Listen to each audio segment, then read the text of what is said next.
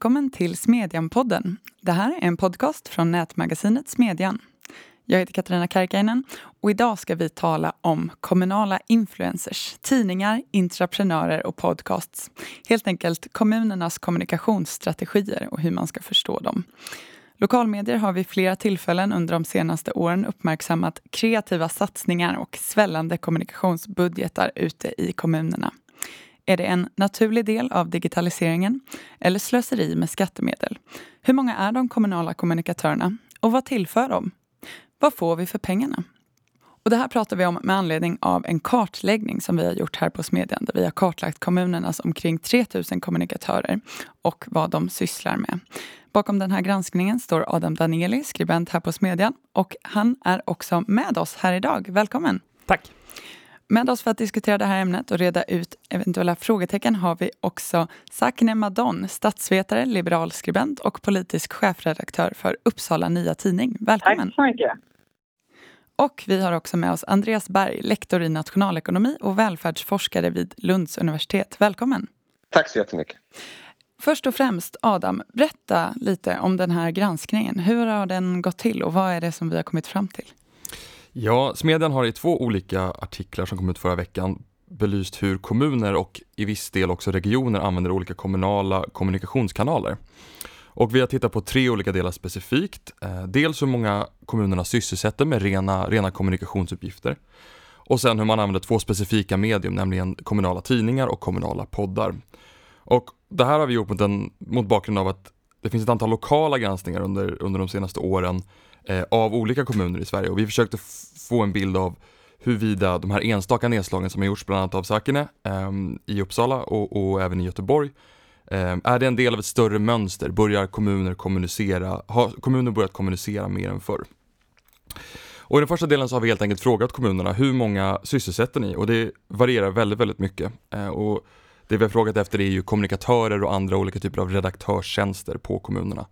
Och vi har valt att inte försöka göra en uppskattning av, av de kommunala bolagen eh, som oftast är, är, väldigt stora, har väldigt stora kommunikationskanaler också, utan bara den, den rena kärnverksamheten. Hur många, hur många sysselsätter man?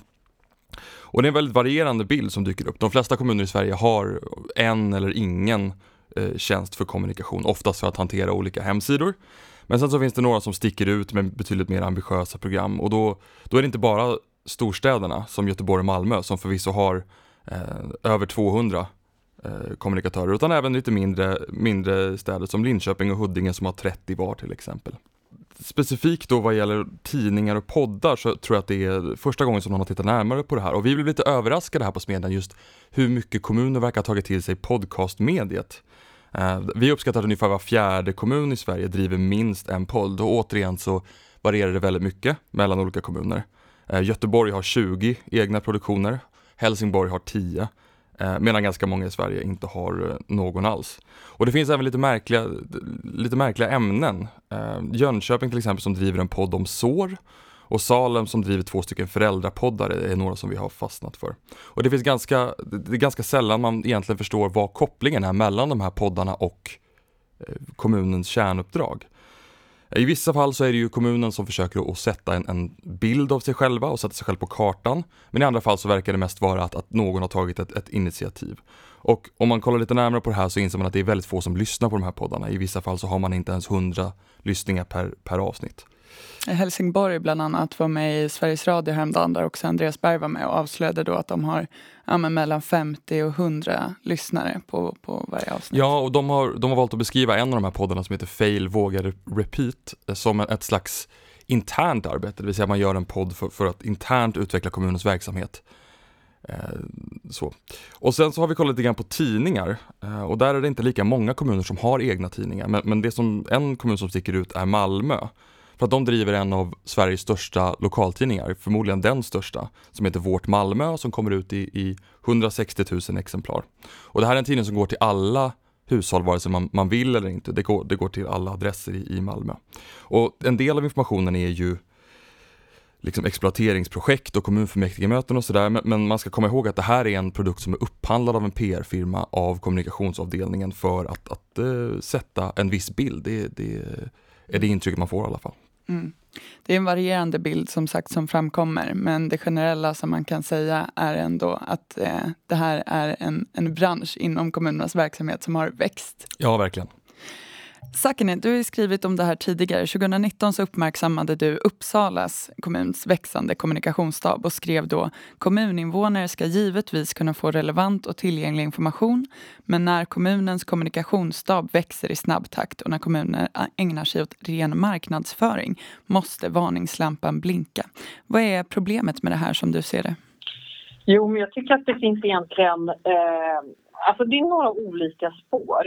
Eh, dels är ju den här snabba tillväxttakten säger ju någonting. Eh, då måste man ställa sig frågan vad är det som gör att kommunerna verkligen måste satsa så mycket? Eh, att det liksom halvår för halvår i många kommuner bara blir fler eh, kommunala kommunikatörer. Vad är liksom syftet?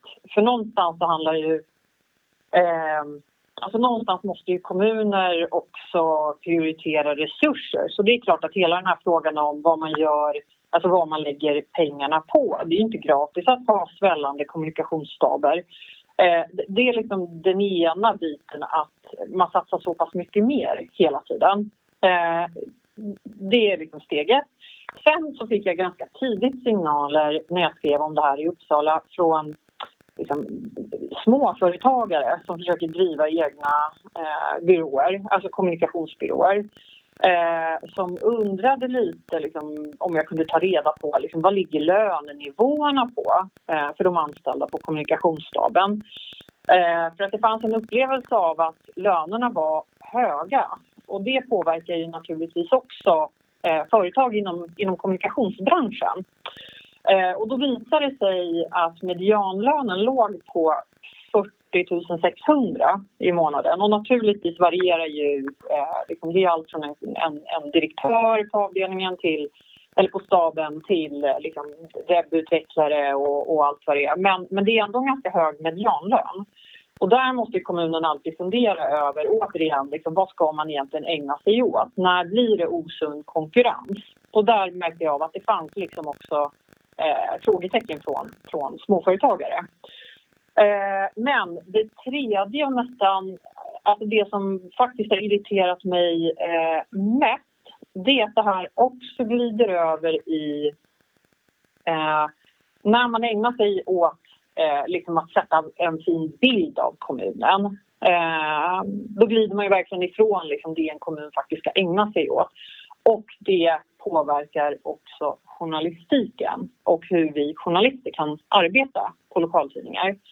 Och vi har ju haft ett, ett exempel med en kollega till mig, eh, en, en eh, ja, UNT-journalist som heter Elin Sandov. Eh, hon eh, eh skrev en eh, artikel eh, det var faktiskt innan, innan jag började på tidningen. Men hon skrev en artikel om ungdomsstök på en eh, på fritidsgård vilket ju inte är eh, liksom, det är inte så mycket att höja på ögonbrynen åt utan det, det, det var stök och så intervjuade hon då en, in, en, en insatt eh, eh tjänsteperson på kommunen eh, som godkände sina citat, det var inga konstigheter. Men så hade då kommunikationsstaben synpunkter eh, och menade att nej men vänta lite i, i som artikeln ser ut, alltså en, en liksom, sakligt sett felfri artikel med godkända citat och allt eh, och, och, av en liksom, duktig erfaren journalist.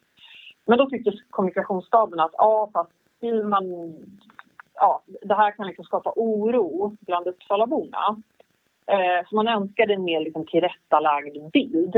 Eh, nu är det ju klart att tidningen inte rättade sig efter vad vad tjänstemän på, på kommunikationsstaben liksom hade för synpunkter. Men jag märker också, eh, det framkom ju också, tidigare har ju liksom den grävande journalist på GT Daniel mm. Olsson också vittnat om det här med att eh, i Göteborg då, att eh, det, det, är mycket svårare nu i takt med att kommunikatörerna blir fler och fler att faktiskt nå relevanta personer i kommunen. Eh, att, att kommunikatörerna blir som någon slags mellanhand eh, och som mer är intresserade av någon slags tillrättalagd bild än av eh, liksom vad, vad man faktiskt borde göra. Jag, jag menar ju verkligen att eh, eftersom jag älskar att följa kommunpolitik. Även liksom kommuner där jag jobbat, eh, det kan vara Skellefteå och allt möjligt. Jag gillar att kolla liksom på, på fullmäktigesändningar och sådär. Och där, är, där finns ju verkligen en demokratisk uppgift för kommunerna att ha bra Eh, bra kommunikation, eh, det ska vara lättillgängligt, man ska kunna se kommunala handlingar, man ska få liksom, ja, relevant info. Det är jättebra att det är många kommuner som svarar snabbt i sociala medier och så. så det finns ju ett väldigt eh, liksom, fint syfte egentligen om man tänker liksom, kommunikation i meningen information till medborgarna och nödvändig information. Eh, men, men eh, det här som jag och andra kritiserar det är ju någonting helt annat än det. Mm. Ja men visst, det var också en av poängerna som tänkte upp just att kommunikatörerna verkar försvåra journalistisk granskning och det är ju flera som har vittnat om det. Apropå den här andra punkten som, som du nämnde också om kostnaden så hade vi Mikael Sandström, den tidigare statssekreteraren här i podden förra veckan och han nämnde efteråt att han hade begärt ut löner och gjort en snabb överslagsräkning och kommit fram till att det rör sig om 90 till 130 miljoner kronor för Malmös fall. Det är ju ganska mycket pengar i termer av liksom en kommunbudget. Eh, Andreas, du är ju forskare och har ägnat dig åt eh, det här med kommuner, städer och regioner som anstränger sig för att sätta sig på kartan på olika sätt och har mm. varit kritisk mot delar av den här utvecklingen. Berätta, hur, hur ser du på det här? Vad säger forskningen? Ja, vi skiljer väl på två olika skäl till varför man har kommunikatörer och ett är marknadsföringssyfte. Man uppfattar sig som att man konkurrerar med andra kommuner och att det därför är viktigt att kommunicera en angenäm en bild av den egna kommunen. Eh, och där är det lätt hänt att det leder till en ängslighet i värsta fall. Så nu när Adam får bra publicitet på sin rapport så hör alla kommuner detta och de som inte redan har flera poddar känner ett behov av att starta dem för att annars tappar de i konkurrensen. Och det är en problematisk situation som leder till en ängslighet där alla genast måste hoppa på det senaste. Eh, och, och, i en av artiklarna i Smedjan så kommenteras faktiskt detta med, med motivet att vi ska finnas där människor finns och så räknar man upp TikTok och Twitch och allt möjligt. Så Twitch är ju då en plattform för människor som spelar dataspel och vid realtids eh, strömmar sitt spelande till andra. Jag har svårt att se eh, vad kommuner ska göra detta. Han glömde dock nämna Second Life, minns ni det? Nej.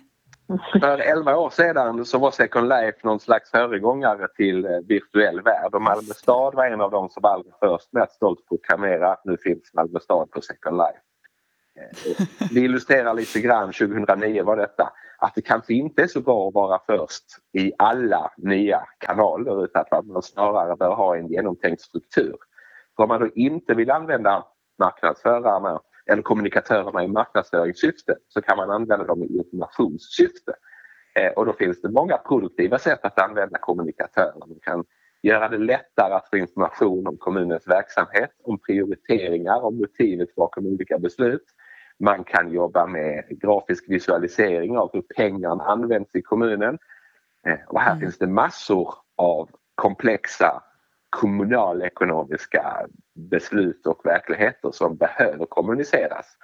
Eh, min, min uppfattning är väl tyvärr att det är lite för lite sådant och lite för mycket marknadsföring i mycket av det som kommunikatörerna gör. Mm.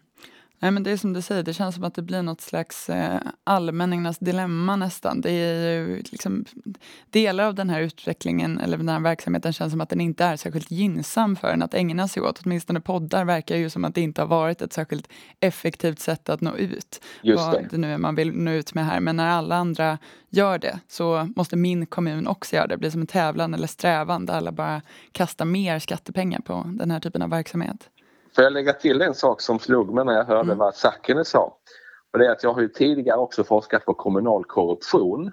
Eh, det dyker ju med jämna mellanrum upp skandaler kring oegentligheter i svenska kommuner och väldigt ofta är det granskande journalister som är involverade i att avslöja den här korruptionen.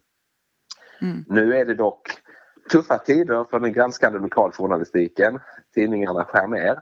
Och en oroväckande trend som jag gärna skulle se att någon tittade vidare på är att en hel del av de här kommunikatörerna rekryteras från journalister som skulle kunnat mm. arbeta, i vissa fall tidigare faktiskt arbetade som granskande journalister eh, lokalt. Mm. Och det betyder att du får fler kommunala kommunikatörer samtidigt som den lokala granskande journalistiken monteras ner. Och det är då en, en ganska oroväckande situation tycker jag.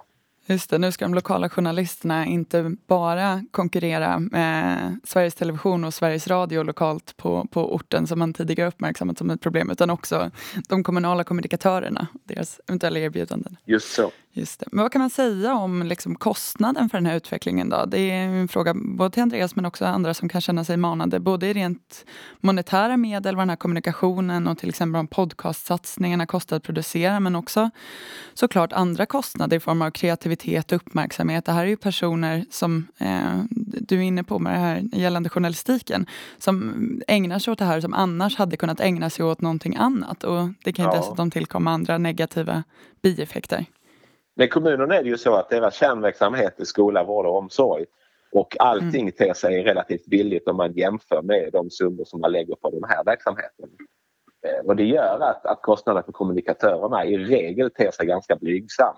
Sen finns det en del felaktigheter. Jag tror att när jag var i radio och fick höra att, att, en, att podden bara kostade 20 000, ja då räknar man kanske ljudutrustningen men inte det faktum att det är kommunalt anställda som gör det här på sin arbetstid. Och det är såklart så att den alternativkostnaden mm. finns där även om det inte syns som en utgiftspost därför att människor skulle kunna ägna sin arbetstid åt något annat. Och sen framförallt, vi talar ju om en uppmärksamhetsekonomi eh, där den knappa resursen i många fall inte primärt är pengar utan människors uppmärksamhet. Eh, och ju mer av den här typen av satsningar man har desto mer uppmärksamhet drar man ifrån kärnverksamheterna desto mer kreativitet och uppfinningsrikedom ägnas åt något annat än hur man förbättrar skola och äldreomsorg till exempel. Sakine, du har också tittat lite extra på Botkyrka om jag har förstått det rätt.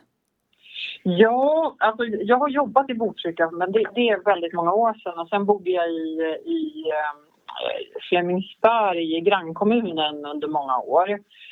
Eh, Botkyrka var faktiskt ganska tidigt ute med eh, eh, Eh, alltså det här med liksom bilden av kommunen. Eh, och man hade ett projekt. Eh, man kallar det för att liksom ha en antirykteskampanj. Man ville då eh, bemöta då det man tyckte var liksom en felbild av kommunen.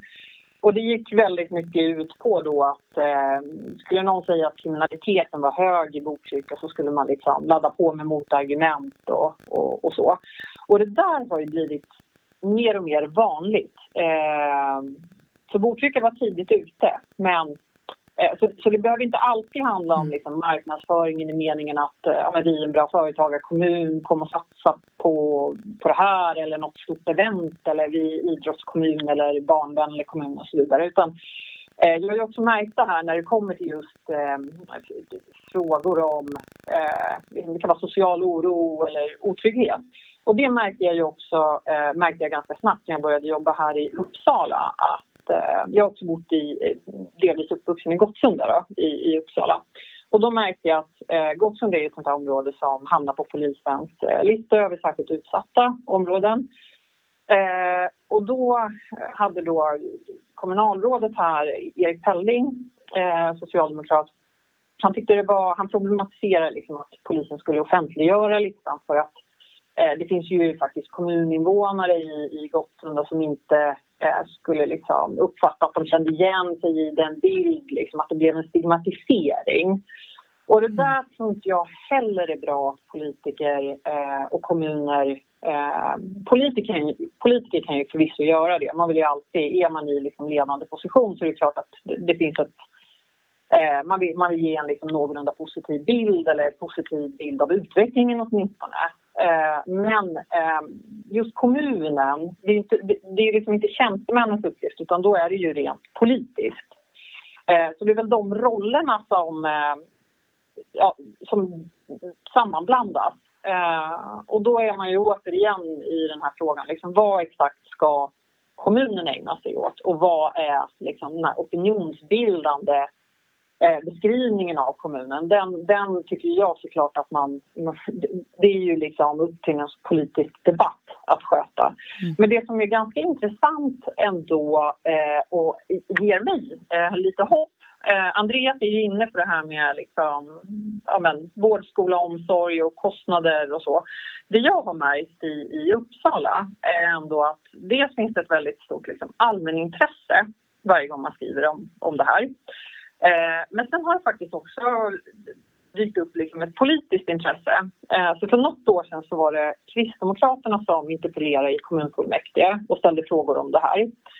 Eh, och sen då senaste fullmäktigedebatten om det, eh, då Alltså, det råder liksom mer eller mindre konsensus, eh, åtminstone bland partierna i opposition. Så även Vänsterpartiet har, varit, eh, har stuckit ut och eh, är kritiska då till, den här, eh, till att kommunikationsstaben växer eh, och ställer det just mot... Liksom, vi måste fundera på, vi ber liksom alla nämnder eh, dra ner på, eh, liksom göra besparingar när det kommer till liksom, kommunens ja, men det kan vara omsorg eller, eller på skolans område och så. Och då är det väldigt märkligt då om man liksom inte har eh, strikta krav även på eh, kommunikationsstaben. Eh, så de har faktiskt i ett ekonomiskt dokument eh, skrivit in då att eh, man borde minska på, eh, på kommunikationsavdelningen eh, på kommunen.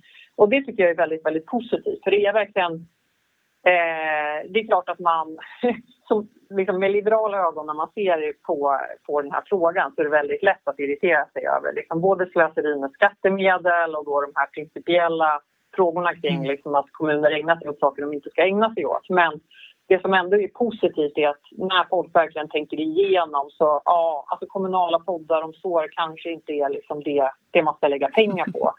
Och kommunens tjänstemän ska definitivt inte ägna sig åt det här politiska uppdraget att liksom ägna sig åt någon slags bild eller, eller opinionsbildning eh, om kommunen eller PR. Nej. Det låter så onekligen som en intressant utveckling och det är kul att se om det kan bli samma tävlan eller strävan mellan kommuner i andra riktningen också. Jag tänker på det här som du sa om eh, hur man hanterar problemområden. Eh, det för osökt tankarna, Adam, till eh, exemplet som du lyfter i det här reportaget med Vårt Malmö, mm. som handlar om eh, eh, våld i staden. Ja precis, Malmö är ju en av de kommuner som, som verkar ha högst ambitioner på det här området och de har ganska länge drivit en, en tidning som jag nämnde tidigare som heter Vårt Malmö och det som Problemet med att ha kommunala tidningar det är ju så att säga att ingen har ju incitament att lyfta fram det som är lite jobbigt och det som skaver. Eh, så att den här tidningen är ju den ser ut som vilken lokaltidning som helst och den konkurrerar sannolikt med, med den andra lokaltidningsbevakning som finns i Malmö. Eh, men den har ju inte de här granskande elementen och det finns ingen, man kan aldrig hitta något ansvarsutkrävande i den här tidningen. Eh, men man ska också poängtera att just tidningar verkar vara någonting som är lite ute, så att säga. Det är fler, betydligt fler eh, kommuner som, som använder sig av, av digitala medier lite för att sätta samma bild. Och om man kollar igenom, som jag har gjort då, de senaste årens utgivning så, så kan man säga att, att Malmös utveckling och tidningens utveckling har inte direkt gått hand i hand och, och det var en väldigt uppmärksammad skjutning i november eller december förra året där det var en, en ung pojke som eh, av misstag, får man förstå, eh, blev skjuten eh, vid en busstation. Och i samband med det så, så hade så, så, tog den här tidningen upp frågan, men, men, då, då handlade det väldigt mycket om hur mm. nya metoder skulle bli väldigt framgångsrika för att nå den här typen av, eh, av brottslighet och inte alls att fråga vem är faktiskt mm. ansvarig för det här och vem, hur kan vi kräva, mm. kräva förändring? Vad tror ni om utvecklingen framåt då? Så här kan ni lämna ett mer positivt exempel från Uppsala. Nu de senaste veckorna så har det ju skrivits och talat en hel del om det här igen. Många har fått ut nya lokala siffror för kommunikationen ur det här reportaget. Men är vi liksom vid piken nu? Kan vi vänta oss en vändning när kritiken blir större och kraven på effektivitet med skattepengar kanske blir viktigare med, med tanke på det ansträngda läget i övrigt? Eller hur mycket liksom större kan kommunikationsbudgetarna bli innan de måste krympa igen?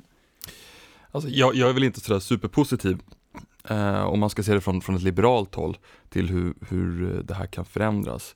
Och jag tror att det är, det är ganska bra att se det här som ett slags beslutsproblem, det vill säga vi har ju i Sverige en väldigt hög demokratiambition i våra kommuner. Kommunerna har eh, väldigt stora mandat, och väldigt stora resurser och tanken är att ansvarsutkrävande ska vara väldigt, väldigt lokalt. Så man ska kunna vara väldigt fri att utforma sin verksamhet efter de lokala förutsättningarna. Samtidigt så ser vi att det evolutionära trycket, det vill säga hur mycket man faktiskt ifrågasätter olika typer av verksamheter och är beredd att, ställa om, det är väldigt lågt. Om man kollar på de rent juridiska ramarna så finns det ju ingenting egentligen som begränsar den här typen av projekt utan man kan komma på nya olika sätt att försöka marknadsföra sin kommun och så länge det inte finns ett starkt tryck från kommunmedborgarna så tror jag att det är ganska lönsamt för många kommuner att göra det här. Mm. Och det är ett problem från det liberala hållet. Vad tror du Andreas?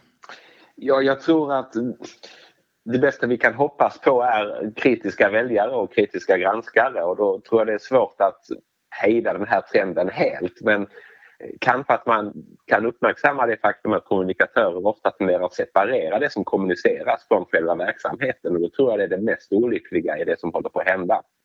Mm. Det vill säga att kommunikatörer egentligen inte kan särskilt mycket av det de kommunicerar om. Om du istället bestämmer dig för att det finns människor som ska kunna eh, skolpolitik väldigt bra. De hjälper till att förklara prioriteringarna och besluten och behoven inom skolan. Och samma sak när det gäller alla andra områden i, i kommunen. Då tror jag att du får bättre kommunikation och, och, och det är det vi ska hoppas på. Och om, ni andra, eh, om, om man lyssnar på det här och är kommunpolitiker eller arbetar inom en kommun och inte riktigt vet vad man ska tycka eller göra med den här informationen. Vad skulle vara era medskick? Ja, jag kan göra ett medskick direkt och det är ju så att eh, det, det måste finnas en genomtänkt struktur. En, en, en kommun ska vara tillgänglig och transparent och i det ligger snarare att göra några få informationskanaler riktigt bra snarare än att finnas lite grann överallt. Så se till att det ni gör är sökbart, att det pågår under lång tid så att strukturen hinner sätta sig så att journalister och medborgare lär sig vad som finns var snarare än att hoppa på det senaste, köra det några år och sedan hoppa till nästa tuva. Det ger ett väldigt fragmentiserat intryck eh, och, så, mm. och det gör det svårare att hitta den information de söker. Ja, Jo, men alltså precis, för det finns ju, det finns ju en väldigt viktig, liksom, ett grunduppdrag återigen som är väldigt viktigt. Eh, att ha liksom, ja, men koll på nya kanaler och, och naturligtvis kunna liksom, kommunicera ut det som är viktigt. Det, det finns ju en väldig, eh, en väldig vinst med det och som kommunmedborgare så är det klart att man ska kunna liksom, hitta på hemsidan och ja, som sagt, vara var välinformerad och, och ha närhet till, till sin, sin kommun genom att kommunen är väldigt transparent och, och verkligen servar medborgaren på det sättet. Men då att inte blanda ihop sin roll som eh, liksom kommunal tjänsteman med någon slags liksom, PR-avdelning på ett större företag. Det är helt olika roller. Eh, så alla de här olika exemplen liksom är en massa poddar i smala ämnen. Jag har sett såna här influencers som man, eh, som man anlitar. Eh, Youtube-kändisar och allt vad det är. Eh, det, det känns otroligt så sorgligt och desperat på ett sätt. Även om man kan skratta åt det också så är det... Alltså någonstans måste, måste man på, på alltså i kommunhusen verkligen fundera över vad är vårt uppdrag? Alltså, mm. Hur gör vi på bästa möjliga sätt för våra medborgare och kommuninvånare? Eh, det, ja, att man liksom går tillbaka någonstans till en mer, mer traditionell roll istället för att liksom, ja, eh, tänka alldeles för vitt och brett och kreativt och, och blanda ihop sin roll med någon slags liksom, marknadsförare på ett större företag. Ja, ja, mitt medskick skulle väl vara att, att rikta frustrationen åt rätt håll. För är, när man gör ett sånt här reportage så, så, märker man att det är, de som får ta väldigt mycket stryk av det, det är ju just de här kommunikatörerna och de, de tjänstemän som egentligen utför politikernas uppdrag. Så att de vi bör kritisera, det är de kommunpolitiker som låter de här märkliga projekten gå igenom och som inte vill säga nej även när det kommer idéer från förvaltningen. För det, det i grund och botten så är det inte dåligt att, att människor på förvaltningarna tänker själva, men det, det krävs att man har ett ett betydligt eh, mer restriktivt sätt att se på det här från kommunpolitikernas håll och inte bara köpa att, eh, ja, att man kan måla upp en fantastisk bild av sin kommun. Mm. Jag ska också säga att eh, de här kartläggningarna som vi pratar om går att hitta på timbro.se smedjan. Där kommer du även framöver att kunna läsa fler granskningar av politiken och samhällslivet, inte minst i kommunsektorn. Och effektivitet med skattebetalarnas pengar lär fortsatt vara ett viktigt tema för oss. Med det så har det blivit dags att runda av. Och jag vill säga varmt tack till Adam Danieli, Sakine Madon och Andreas Berg för att ni var med idag. Tack. Tack så mycket. Tack. Jag vill också passa på att tipsa om en annan text som jag personligen tycker var väldigt läsvärd och underhållande som vi har publicerat nu i veckan. Den heter Feberdrömmar om en värld utan liberalism i vilken Caspian Rebinder reflekterar över den så kallade relationella liberalismen som det har talats om en del på senare tid. Han har läst Politik efter Gud, återkomsten av John Kvarnero och skriver att resultaten skulle riva upp marknadsekonomin och rasera både frihet och välstånd och att institutionerna som skissar upp upp skissas upp ligger närmare ett klansamhälle än en rättsstat. Den är väl värd att läsa. Och den och mycket annat hittar du på timbro.se smedjan. Vi ses där och hörs igen här om en vecka. Tack för idag. Hej då!